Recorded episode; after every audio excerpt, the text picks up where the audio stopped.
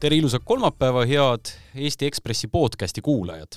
täna on uus leht väljas, täna on minuga siin stuudios Merilin Pärli ja meie hea kolleeg Külli-Riin Tigasson tervist! ning mina olen Joosep Tiks. aga enne kui me siin hakkame lehte täpsemalt uurima ja vaatama, on meil üks Indrek Lepik, keda siin kohapeal ei ole, aga kes hirmsasti tahaks juttu ajada ning tema on Poolas ja proovime talle helistada kõigepealt, ma võtan oma telefoni välja vaatame, võtame siit Indreku numbri. vaatame, kuidas Poolas levi on. jah, ta on selles äh, Ukraina piiriäärses kohas, nii et saab kuulda, mis ta seal teeb. tere päevast! tere, Indrek! Ähm, siit Eesti Ekspressist helistame sulle, kuigi sa vist seda juba tead ette, et ma saan aru, et sa oled praegu Žežovi linnas, kas ma hääldasin seda õigesti? Ma usun küll, ehkki minu poola keele oskused on ilmselt enam-vähem sama head kui sinu omad. no kas see oli nüüd kompliment või mitte, ei tea, onju, aga, aga kui sa seal praegu oled, kas sa oskad kirjeldada, mis sinu ümber toimub, et teatavasti see on ju see piirilinn, kust äh, käivad läbi äh, sõjapõgenikud kui ka relvatarned, diplomaadid kui ka äh, sõjaväelased, et sealt voolab tõenäoliselt palju rohkem rahvast läbi, kui muidu harjunud ollakse seal kohapeal ja võiks öelda isegi, et see on põhiline koht, kus üldse Ukrainaga läänel selline ühendus on, et et, et, et siit liigub läbi humanitaarabi, siin on ukrainlasi ja ütleme nii, et tegu on Kagu-Poola sellise pealinnaga ja, ja ütleme siin ainuüksi viimase viieteist aasta jooksul on, on tegelikult linna elanikkond kasvanud kuskil kahesaja tuhandeni, mis Eesti mõistes on muidugi suur riik või suur linn ja, ja eks Poolagi mõistes üpris, üpris suur, aga jah, see sõda on kindlasti kogu linna tähtsust oluliselt tõstnud. tere, Indrek, aga kui palju sellist sõjaärevust seal tunda on? Kõige ärevam oli võib-olla siia lennata, sellepärast et kui ma lennukiga maandusin, siis ma vaatasin, siin on rahvusvaheline lennujaam ja igal pool on üleval õhutõrjepatareid, et sellist asja just äh, Tallinnas või Helsingis ei näe, et et kuivõrd siit liigub ikkagi abi Ukrainasse, siis on selge, et seda abi tuleb äh, kaitsta ka siin Poola piiri peal, et ega venelased ei ole praegu NATO riike rünnanud, aga ega selles ei saa ju lõpuni kindel olla, et äh, noh, sest neid abisaadetisi ju nii relvasaadetisi kui humanitaarabisaadetisi ju pidevalt äh, Lääne-Ukrainas äh, rünnatakse, nii et välistatud ei ole ju, et seda tehtaks ka Kagu-Poolas, mis ei ole sealt üldse kaugel, et, et, et see on võib-olla see kõige ärevam osa, mida siit tunda on, aga linnas sees, eks palju on Ukrainaga seotud asju, siin on abi äh, vastuvõtmise punkte, väga palju selliseid äh, plakateid ja muid äh, muid selliseid visuaalseid asju, mis annavad mõista, et ukrainlastega ollakse solidaarsed ja mm, ma ei tea, restoranides kutsutakse ukrainlastele annetama ja nii edasi, aga, aga võib-olla kõige ärevam tunne on jah, just sealsamas eh, lennujaamas endas. ma saan aru, et see nädal sa kirjutad muidugi meil lehes hiinlastest, aga võib-olla enne kui nende juurde jõuame, küsiks ühe asja ära, et võib-olla järgmise nädala lehelugejad teaksid ka juba oodata, et võib-olla sa oskad paari lausega ka kirjeldada, et mida sa teed seal Poolas? Äh, jah, ka järgmisel nädalal võib-olla lehelugeja lugeda ei saa, aga vahest ülejärgmisel, aga, aga ma kogun siin informatsiooni selle jaoks, et äh, inimesed saaksid siis lugeda, kuidas päriselt äh, käib ühes sõjas olevas riigis nende inimeste töö, kes ei ole sealt riigist pärit, kes on sinna lähetatud mida nad teevad, kuidas teevad ja, ja kuidas, eh, kuidas seda kogu asja on siin eh, korraldatud, et kui te lubate, siis ma täpselt nii müstiliseks selle teema osas jäängi, aga, aga jah, meil on Ekspressis plaanis lähinädalatel kirjutada üpris üpris põhjalikult sellest, äh, kuidas, äh, kuidas see elu seal äh, Kiievis enne seda välja nägi ja kuidas see nüüd pärast seda välja on näinud ja kuidas, kuidas eestlased on osalenud ukrainlaste aitamises, nii et see tuleb kindlasti üks huvitav lugemine. oled sa seal kuulnud, näinud ka midagi sellist, mida sa võib-olla ei osanud oodata ja mis sulle veel ideid mõneks järgmiseks artikliks on andnud? no eks huvitav on ju olla Poolas just seetõttu, et ma olen harjunud viimastel aastatel kirjutama Poolast just selle nurga alt, et äh, õigusriigiga on probleeme, kohtusüsteemi allutatakse poliitilisele võimule ja, ja kõiki muid asju, et et vaadata just seda, kuidas Poola riik ise on selle, no võib-olla ka selle konkreetselt selle sõja tõttu muutunud, kuidas Poola riik on äh,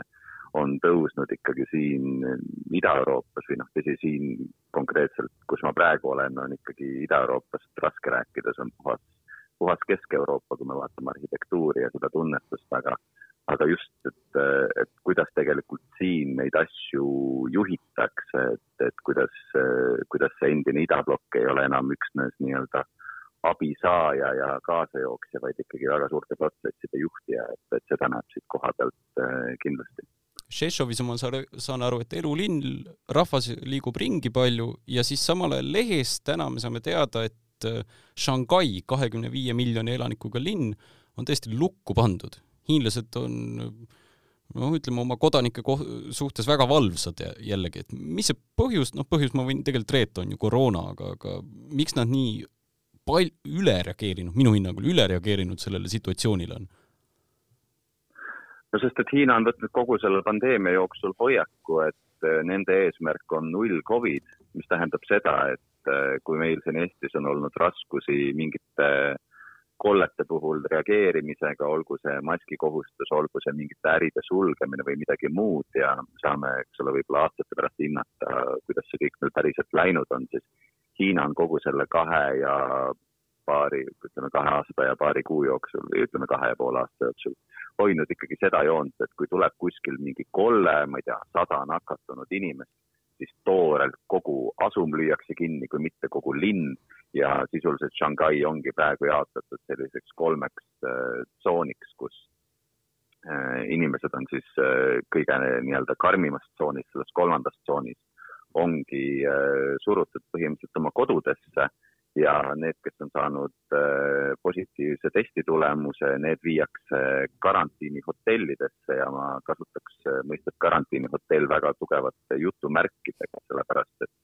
sisuliselt me räägimegi äh, sellistest koonduslaagritest, kuhu kümnete tuhandete inimeste kaupa kohati viiakse inimesi, nad elavad üksteise kõrval välivoodites kakskümmend neli seitse, kuskil messikeskustes paistavad nende peale lambid nad ei saa ennast pesta, neil ei ole korralikult süüa, pole tekkegi ja kõiki muid asju, et et selles mõttes toimub ikkagi midagi sellist, mida me ütleme siin läänes vabas ühiskonnas no ei kujuta ette. no see siiski kõlab üsna nagu Ukraina põgeniku elu äh, kusagil äh, põgenikelaagris, enne kui ta kuskile paremasse kohta paigutatakse. aga kas äh, no, viimase... ma ütleks, et ma lihtsalt ütleks vahele, et sõjapõgenik elab tõenäoliselt normaalsemat elu vähemasti Euroopas kui, kui hiinlane nendes äh, Shanghai ja noh, tegelikult siin on juba ka teistes suurtes linnades päris suured kolded ja kinni pandud, et, et selles mõttes äh, ma tahaks rõhutada, kuivõrd ebainimlikes äh, tingimustes need inimesed elavad, et nad käivad endale toitu hankimas kohati nii nagu Ukrainas sisse tiiratud linnades inimesed käivad endale toitu hankimas, et, et, et selles mõttes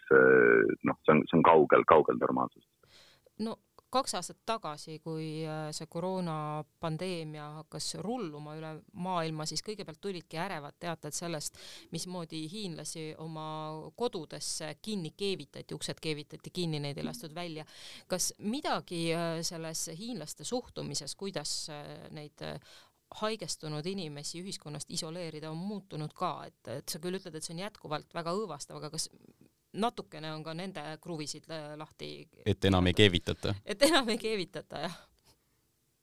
jah, nüüd on eh, inimesed, kes on näiteks rõdudele kogunenud ja protesteerinud selle vastu, et nad on oma kodudesse sunnitud. Neile lendab siis näiteks mõni droon sinna rõdu taha ja annab mõista, et eh, hea kodanik, eh, ära allu oma hingesoovile, mis nõuab vabadust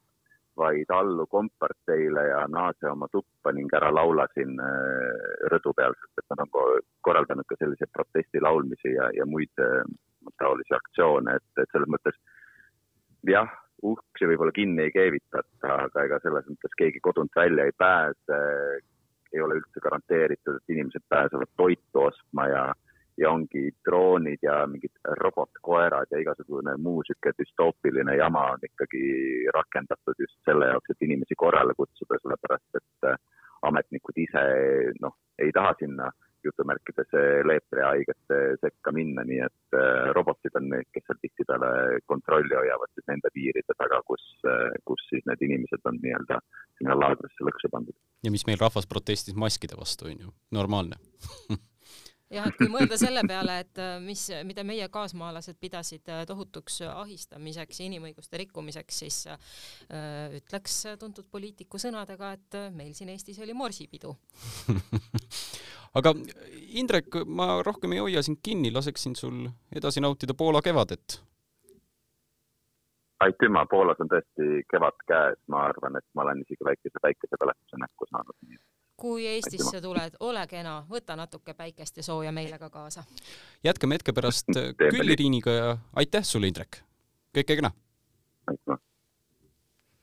nii ole, oleme siin stuudios tagasi, no tegelikult meie ei ole kuhugi ära läinud, Indrek oli ära ja Külliriin, keda me alguses tutvustasime, on ju tegelikult terve see aeg siin meiega olnud, et äh, vahetaks teemat, läheks kohe koroonast ja Poolast siia Eestisse tagasi. kirjutasid meil Eesti Ekspressis ma ei tea, kas nii võib öelda, kirikulõhest põhimõtteliselt, et äh, isa Orienti äh, ihusammast seal Moskva peale, õigeusu kiriku peale ja sai võib-olla, et äh,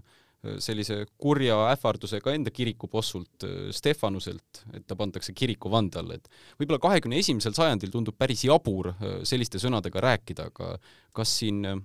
Eestis on kirikute vahel suur sõda lahti läinud? no esiteks ma ütleks, et päris äh, kiriku vande alla panemisest siin siiski jutt ei käi, et äh, et isa Orenti sai siis enda kiriku pealt, siis Eesti Apostliku Õigeusu Kiriku pealt Stefanuselt lihtsalt hoiatuse, kuna ta on äh, avaldanud kaks artiklit, kus ta siis väga teravalt kritiseerib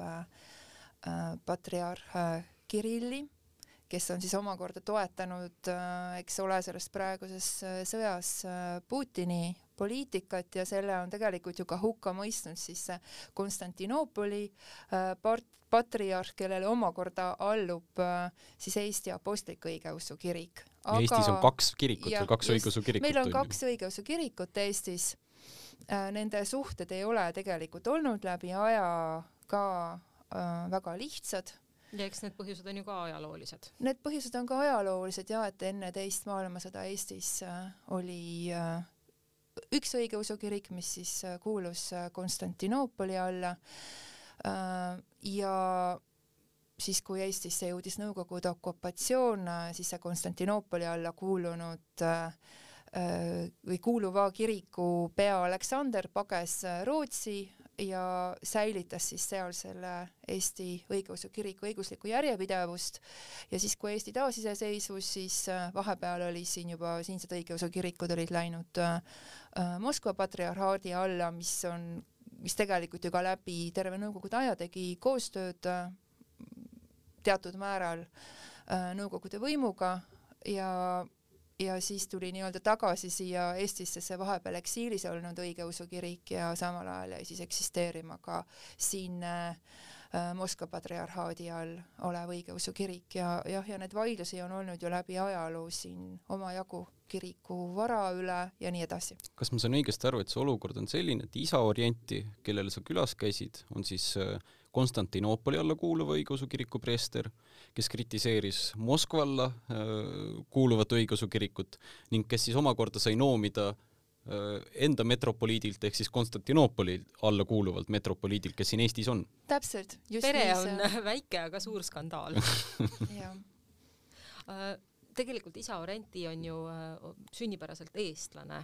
Et kui palju neid eestlasi üldse on, kes selle õigeusu kiriku alla kuuluvad? Ja, ja kumma alla rohkem kuulub, kas Eesti apostliku või Moskva apostliku alla? Äh, rohkem kuulub ikkagi Moskva alla Eestis praegu äh, neid õigeusklikke, aga no ma, ma pean tunnistama, et mina ei ole ka siin õigeusu õigeusu kiriku loo asjatundjat, ma küll seda lugu tehes kohtusin ka Liina Eegiga, kes on kirjutanud sellest õigeusu kogumiku, sellest Tartu Ülikooli kirjastuse äh, üllitiste sarjas siis Mitut usku Eesti ja no Liina Eek ütleb, et nendele tavalistele koguduse liikmetele ei pruugigi nagu olla tajutav, et kas ta nüüd on selles, selles õigeusu äh, koguduses, mis siis kuulub Konstantinoopoli alla või, või selles, mis ta kuulub Moskva alla. Ja ma ka seda lugu tehes, ma käisin ka kahes erinevas kirikus liturgial, ma käisin siis äh, liturgial äh, Äh, Moskva alla kuuluvas äh, Rist ja Johannese koguduses, mis on äh, Nõmmel ja siis ka Tartus selles Püha Aleksandrite kirikus, kus siis teenis varem Orenti. mis erinevust sa nendel liturgiatel kogesid? no liturgial kui sellisel ma otseselt väga suurt erinevust ei, ei kogenud, et need ikka käivad üsna ühtemoodi, aga noh, võib-olla selline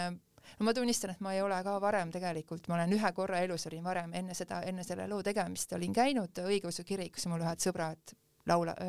nende laulatus oli selles Eesti Apostliku Õigeusu Kirikus, aga no võib-olla torkas silma, võib-olla see oli juhuslik, aga selles Moskva patriarhaadi all olevas õigeusu kirikus ma panin tähele, tähele, et võib-olla need inimesed nagu elasid seda usku nagu võib-olla eksalteeritumalt välja, et nad noh, laskusid päris kohe põrandale palvetes, aga seal Püha Aleksandrite kirikus ma seda ei täheldanud, vähemalt siis, kui mina seal olin, et oli selline nagu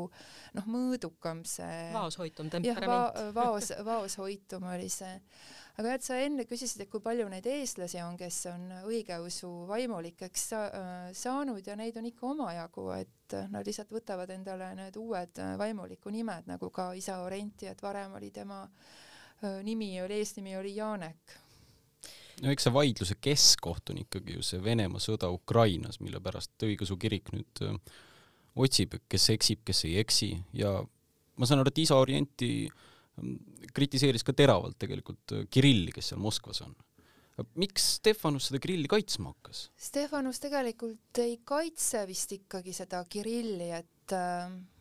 et ta lihtsalt võib-olla lihtsalt see, kui isa Orenti ütleb, et kogu see Moskva patriarhaadile äh, alluv õigeusu kirik on kuritegelik organisatsioon, siis see on väga konfliktne seisukoht, väga suure konflikti potentsiaaliga. Ähm, samas äh, Eestile, Eesti siis Moskva õigeusu kiriku äh, juht Eugeni on ka alla kirjutanud sellele sõda hukkamõistvale avaldusele, nii nagu ka siis äh, Stefanus kes on siis Eesti Apostlik-Õigeusu Kiriku juht, nii et selles mõttes on nad ühel meelel. no ma ei tea muidugi..., ma ERR-ist lugesin ta intervjuud selle Eugeni oma. Eugeni no, oli ikka väga võimukäepikendus Ratas..., väga jah, kui Jüri Ratas on ümmarguste vastuste meister, siis ta on äh, ilmselt veel ümmargusem. jah, aga sealt ei jäänud minu arust küll kahtlustki, et tegelikult ta ikkagi on Moskva meelt täiesti seal. ja et nagu ütles ka isa Orenti, et tema jaoks, kui ta luges seda intervjuud, võttis äh, Eugeni oma allkirja sellelt äh, avalduselt tagasi selle intervjuuga, mis ta andis ERR-ile mm. -hmm. et oli kahepalgeline sisuliselt? no ma ei tea, kas nüüd just kahepalgeline on kõige täpsem sõna, aga jah, et võib-olla natuke selline ambivalentne on see tema seisukoht ikkagi nendes küsimustes. seda intervjuud Orentiga lugedes äh, mulle jäi mulje, et äh, tema on selline klassikaline vaga jumalasulane, äh, väga kristlike väärtuste kandja erinevalt siis võib-olla mõnest kirikupeast, kes on pigem selline ärimees või poliitik ja, ja diplomaat, et äh, ta on täielik antipood, kas see võib ka olla põhjus, miks äh, tal võib-olla on vaenlasi kirikuringkondades? ma arvan küll, et see võib olla kuidagi sellega seotud, et et eks seal kiriku struktuurides karjääri tegemine eeldab ka niisuguseid nagu teatava noh, poliitiku ambitsioone mõnel juhul Äh, valmisolekut teha suuri kompromisse, et, et mul jäi ja isa Orentiga suheldes äh, mulje, et tema, et teda huvitab äh, rohkem ikkagi lähtuvalt sellest enda, lähtuvalt püha, pühakirjast oma elu korraldamine ja vähem huvitab siis selline mm, jah, ütleme korrale allumine. ta oli ikkagi selline Kristuse maailma ja, ja Jumala maailma ähm, käsilane, mitte, mitte inimeste maailma äh, tegelane, mul jäi selline mulje ma ei tea, kas neid saab alati ka nagu vastandada, et seda inimeste maailma ja, ja seda mulle tema jutust ju, nagu jäi. jumala maailma, kas sellesama jutu põhjal, et äh, ma mäletan, et kui ma temaga vestlesin, siis tal oli tohutu suur raamatukogu. tema, ta hoiab tegelikult enda kodus ühte osa ühest õigeusu raamatukogust.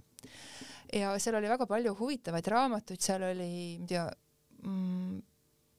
seal olid äh, noh, filosoofiast, äh, poeesiast, seal olid imedest äh, raamatud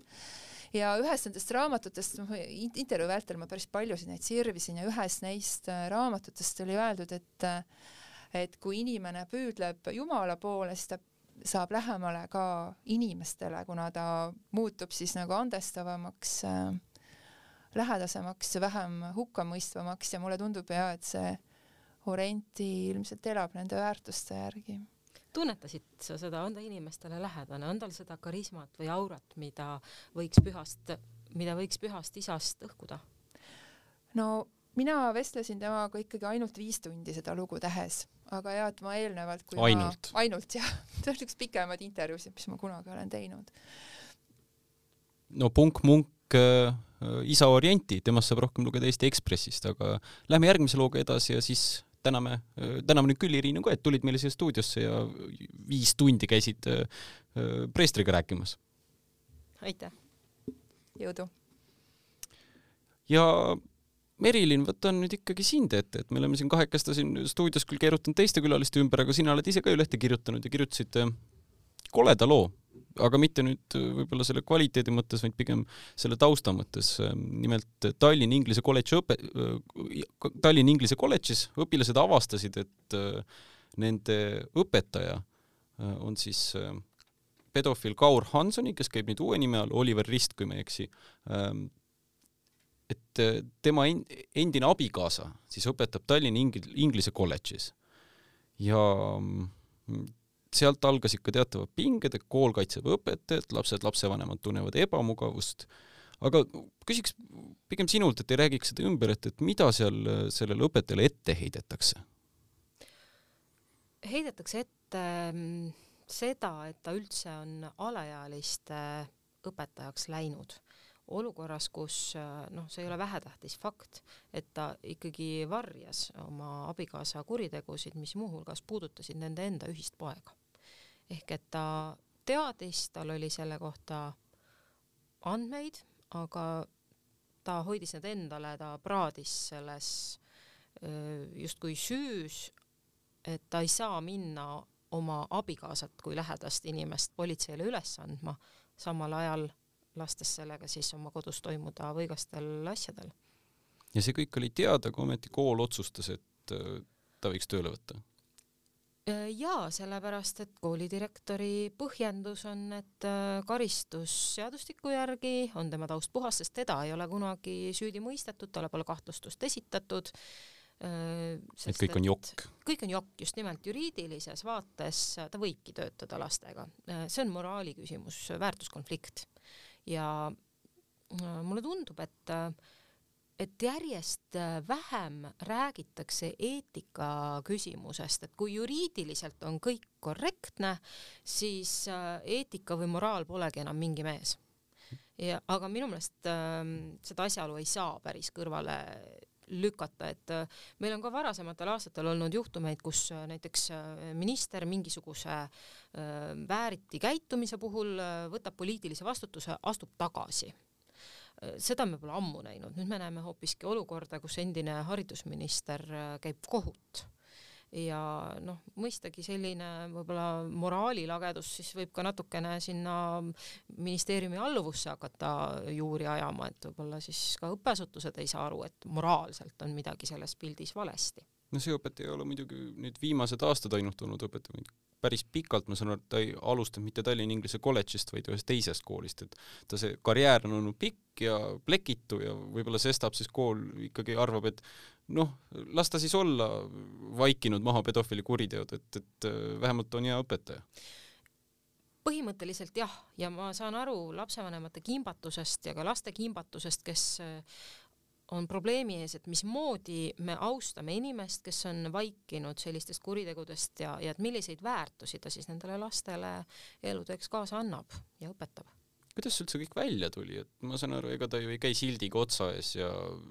noh, ta ei ole ju ka süüdi mõistetud, et kuidas see välja peiliti üldse seal koolis? No lapsed on ju interneti kasutamisel osavad, nad olid selle lihtsalt välja guugeldanud, et kuigi jah, ta perekonnanimi on muutunud, siis eesnimi on üsna spetsiifiline ja, ja sellega see kõik äh, lagedale tuli. et ähm, kummaline on see, et tema enda see mm, endine abikaasa, lapse isa on ise sama kooli vilistlane, et äh, justkui tagasi juurte juurde. täisring, jah aga kas seal koolis hakkas siis teatavas mõttes nagu õpetaja kiusamine pihta, et õpilased hakkasid ebamugavaid küsimusi esitama või? jaa, äh, neid klasse oli ikka mitmeid, kuna ta õpetab teismelisi, siis noh, teismelised äh, võivad ikkagi päris äh, niimoodi reljeefseks minna, kui, kui neile miski ei meeldi, et küll tehti mingisuguseid selliseid vihjeid, et huvitav minevik teil õpetaja ja, ja siis vahepeal tehti vaikimisterrorit, mitu nädalat lihtsalt ignoreeriti õpetajat, kui ta midagi küsis või ütles ja see oli tegelikult kooli juhtkonnale teada, aga ju siis hinnati seda õpetajat nii kõrgelt, et äh, lasti jätkuda sellele, et nüüd see on justkui ära vaibunud. aga no on siiski lapsevanemaid, keda see häirib, nad lihtsalt ei ole julgenud kooli juhtkonna poole otse pöörduda, sest nad teavad ju, et juhtkond teab ja midagi pole ette võetud. Nad mhm. kardavad mm -hmm. oma laste pärast, et äkki hakatakse neid välja sööma, kui nad lähevad kusagile kurtma avalikult kui see oleks, ütleme, õiglane kuningas Saalomon ja kõiki neid osapooli oled sa nüüd kuulanud, et mida selles olukorras üldse teha tuleb, et plekki karistusregistris ei ole, aga stigma on ju siiski küljes inimesel? ma olen äh, sama meelt kui mitmed inimesed, kellega ma vestlesin äh, nii äh, juuravaldkonnast, äh, õigusemõistmise ja, ja politsei ja, ja ka lapsevanemate poolelt, et äh, neid hääli oli väga palju, mis ütlesid, et, et aga selle haridusega võib ju töötada ka mitte lastega. et olgu parem ametnik ministeeriumis. no toimetagu raamatuid, õpetagu täiskasvanuid, neid võimalusi on ju küll, kui sul on filoloogi taust ja, ja oskused ja nii edasi, et et äh, ma ei tea, ma vist selle õpetaja asemel ise võib-olla teeksin selle sammu ja vabastaksin kõik need pinged, sest et tööõiguslikult ei ole ju jällegi alust teda lahti lasta. kui sa õpetajaga suhtlesid, kas ta ise ütles ka, et mis nüüd edasi saab või? Õpetaja vältis nädala jooksul äh, suhtlemist, et me vahetasime küll palju kirju, aga need olid sel teemal, et, et millal äh, me saaksime kohtuda või, või rääkida. aga ta kogu aeg lükkas seda edasi ja kogu aeg olid uued tingimused. Ja lõpuks ta teatas mulle, et tal ei ole direktori seisukohale midagi lisada. Ja rohkem ma temast ei kuulnud. Eks ma panen siinkohal punkti, ma arvan, sellele, et kes soovib, see loeb rohkem lehest ise edasi võib-olla käiks läbi, et mis meil lehes veel on ja siis juba läheks selle juurde, et kirjutaks uusi lugusid järgmisesse nädalasse, onju. aga, aga ma ise vaatasin, et väikse valiku tegin, mida võiks veel lehest lugeda, mis mul, mil, mul, minule tundus huvitav, et üks on see persoon meil selle nädalane, Teet Kalmus, oled sa lugenud ta neid sõjaraporteid? oo oh jaa, ma olen tema andunud fänn, ta kirjutab väga hästi ja ta on väga informeeritud. mult on isegi küsitud, et kust tal kogu see info tuleb, et, et kas see tõesti vastab kõik tõele ja noh, inimesed on, on ja kes see mees on selline? ja kes see mees on selline, nii et äh, tänasest lehest saab vastuse sellele küsimusele. tuleb välja, salapärane sõjaraporti kirjutaja. mulle endale läks väga hinge kolleeg Kirsti Vainküla kirjutatud lugu äh, emast, kes lapsendas HI äh, viirusega sündinud äh, lapse ja selgus, et ta ei võimaldanud ravi sellele lapsele, kuigi ta ju teadis, et HI viirus, seda tuleb ravida. ja see on ja, selline lugu, et sa loed ühte laps, poolt ja, ja teist poolt ja, ja see ema läheb nüüd vanglasse, et, et minu jaoks see oli nii jahmatav ja ma, ma ei saa aru, kuidas nii saab teha. minul oli muidugi see, et ühte kui ka teist poolt lugedes, olgu see prokurör ja riigikohtunik või see ema ise, et see oli kuidagi üldse hästi traagilise taustaga, et see lapsendatud laps ikkagi tuli niigi halvast taustast ja kuidagi tundus, et see ema tegi head, aga siis jällegi tegelikult miks ta niimoodi pidi käituma, nagu ta käitus, ei lubanud lapsele ravi, onju, ja nii edasi. ja, ja pärast veel prokurör ja kohus ütles, et kuidagi need eneseõigustused ikkagi, kas seal oli vassimised või vale, valetamised, et see kõik on nii segane ja kuidagi jah, ma olen nõus, läks hinge. ma ei saa sellest aru, et, et üldiselt on nii, et kui äh, pered lapsendavad kellegi või hakkavad hoolduspereks, siis äh, väga pikalt tegelikult ju jälgitakse neid ja, ja vaadatakse, tehakse järelhindamist et siis kuidas selline juhtum nii radari alt läbi läks, et, et seal emal oli võimalik äh, ignoreerida kaasa arvatud arste, kes siis nõudsid ju. ja need arstid said ka ju punaseid lipukesi kogu aeg onju. et kuidas süsteem tegelikult, tegelikult süsteem vedas seda last alt, et kui, kui lapse lähedane, kõige lähedasem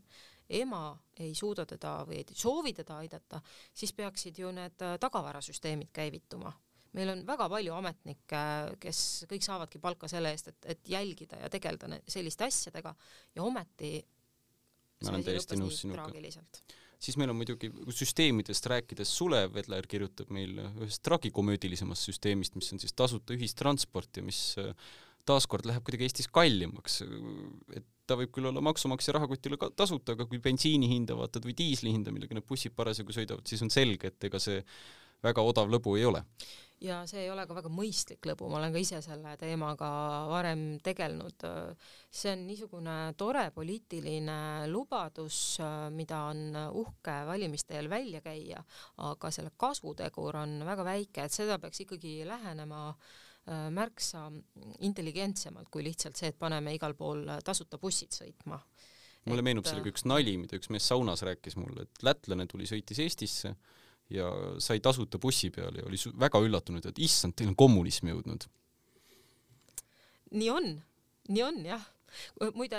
lõbus fakt, et äh, just äh, ma ei olnud kuidagi seda endale teadvustanud, et äh, rootslastest umbes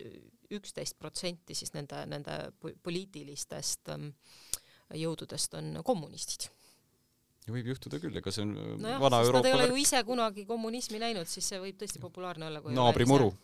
naabrimuru, kahjuks jah. ja Areenis on ka kirjas, on noh, tänapäeval aktuaalne küsimus, Siim Nestor kirjutab, teeb intervjuu seal äh, vene kultuuri tühistamisest Ukrainas, kuidas äh,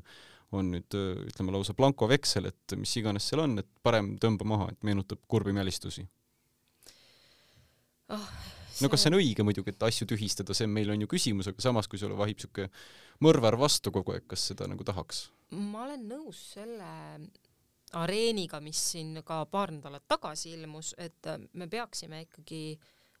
lähenema juhtumipõhiselt, et kui on vene kultuur, mis kritiseerib seda äh, poliitilist korda, seda, mis seal toimub, siis see ei peaks käima samasuguse veto alla kui äh, kõik see, mis seal äh, ülistab seda. et ja, ja minu arust on väga oluline ka sellist nagu kultuuri ja poliitikat lahus hoida äh, ma siinkohal absoluutselt ei, ei leia, et spordi, vene sportlased peaksid osalema rahvusvahelistel võistlustel, sest sport on üks olulisemaid äh, poliitika tööriistu, aga ma räägin päriselt äh, sellisest sõltumatust kultuurist, mitte sellisest, mis äh, näitab, kui suur ja võimas on äh, Vene riik ja selle juhid ja nii edasi vahepeal mulle tundub muidugi, et kultuuri kasutatakse vabandusteks. et okei okay,, okei okay,, ärme räägi sõjast, meil on siin eriarvamus, on ju, aga vene kultuur ikkagi, mõtled Tšaikovski ja Lermontov ja Puškin ja, ja siis jõutakse ikkagi tagasi, et Venemaa on suur ja äge, äkki sellel peakski olema ülemvõim maailmas. et see on ikkagi, ma arvan, süü-, ta ei ole nii süütu, kui ta paistab mõistagi seda tahetaksegi täpselt sellise äh, süütu tööriistana kasutada, aga ta on ikkagi noh, meistrimehe käes, kellel on haamer, on iga ese nael. nii et tuleb äh, teraselt vaadata, äh, kes ja mida räägib. selle löögiga ka selleks nädalaks lõpetame ja kuuleme järgmine kord juba järgmisest Ekspressist. lugege ja öö, uudistage. aitäh teile! ja stuudios olid Merilin Pärli ja Joosep Tiks. just, olgu, kõike kena! kena päeva!